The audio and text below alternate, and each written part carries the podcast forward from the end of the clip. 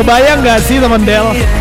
Ketika Troy Sivan Lakukan tour konser di Asia seberapa sering bersin si Angel.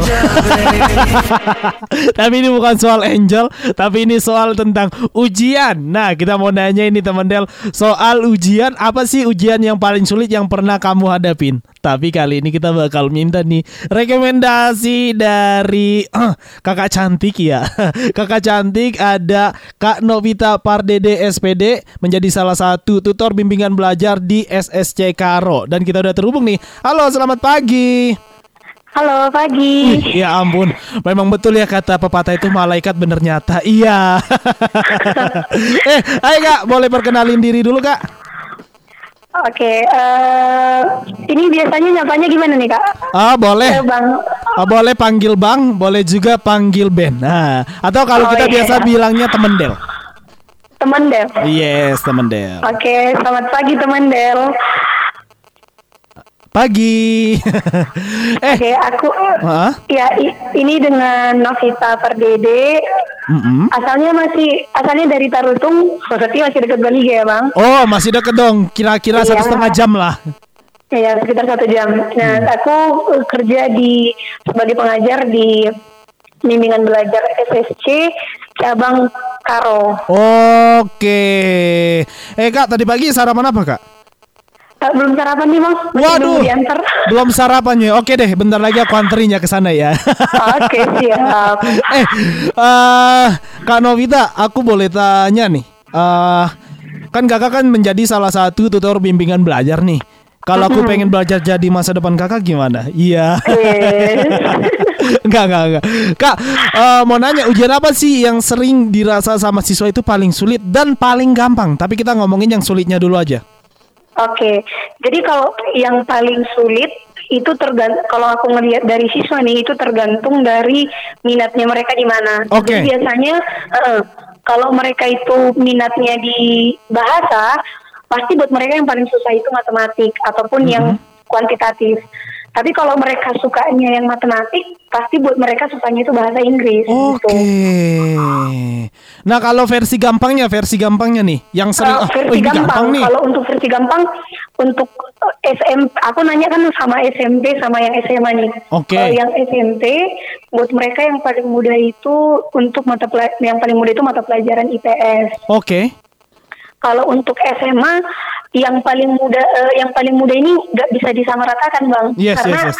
eh, karena kebetulan sekarang kan untuk kelas 12 udah ada mata pelajaran yang berbeda di Hmm, di bimbingan belajar karena penilaian untuk seleksi masuk perguruan tinggi sekarang udah berbeda. Betul. Ya, jadi misalnya kayak ada penalaran matematika, ada eh, literasi bahasa Indonesia, literasi bahasa Inggris, gitu kemampuan memba- memahami bacaan.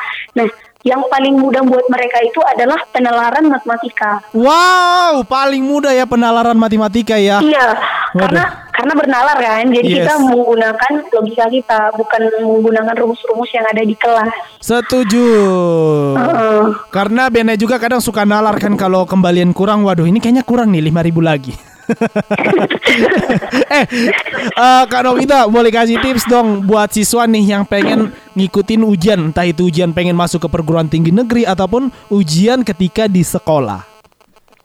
Oke, untuk i- untuk yang mau ikut ujian perguruan tinggi negeri, mumpung masih ada waktu, eh, buat aku tipsnya adalah selalu membuat notes di setiap akhir pelajaran, Oke. gitu. Karena eh, sebenarnya kan nggak mungkin nih kita belajar tiga jam, misalnya kita belajar dua jam satu mata pelajaran, semuanya itu asli diujiankan kan nggak mungkin. Pasti Yes. yang diujiankan itu yang paling sering, eh, sorry, yang menjadi poin utama dari materi itu.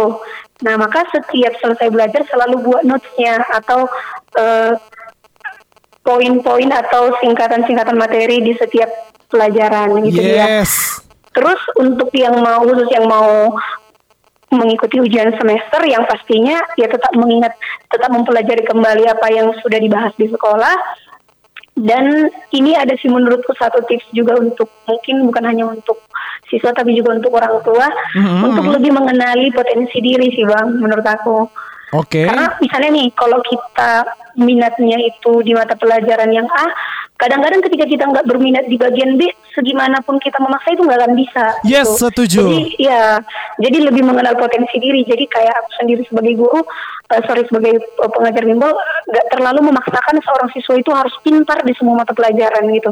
Lebih kenal potensi diri dan lebih mendalami uh, bagian apa yang kamu suka gitu dia. Oke, waduh. Setuju, setuju. Jadi buat kamu nih temen Del, lihat potensi diri kamu nggak segala sesuatu itu dipaksakan, apalagi untuk mencintai dia. Wah. Oke, terakhir nih, Kak Novita nih, uh, boleh dong kasih motivasi dong untuk teman atau mahasiswa ataupun siswa yang pengen maksimal dalam menghasilkan nilai gitu. Oke, untuk yang mau maksimal dalam menghasilkan nilai, mungkin ini bisa ngikuti tips yang sudah pernah aku kerjakan ya, bang. Mm-hmm. Uh, aku selalu uh, aku itu selalu memikirkan satu tahun ke depan itu aku seperti apa, lima okay. tahun ke depan itu aku seperti apa gitu. Jadi uh, keberhasilan aku di satu atau lima tahun ke depan itu pasti dipengaruhi oleh gimana usahaku sekarang gitu dia. Oke. Okay. Nah, maka dari sekarang boleh dipikirkan kira-kira apa sih yang mau aku uh, yang mau aku gapai atau apa sih goalsku ke depannya. Maka dengan aku tahu goalsku, sekarang aku tuh harus persiapanku seperti apa. Nah, maka persiapan itu yang akan mendukung goals yang akan aku capai. Setuju banget. Apalagi kalau pengen mengejar segala sesuatu itu nggak mudah adanya dan dinikmatin prosesnya ya kan kak? Iya bang. Oke, thank you nih buat Kak Novita. Semangat pagi dan jangan lupa sarapan ya Kak ya.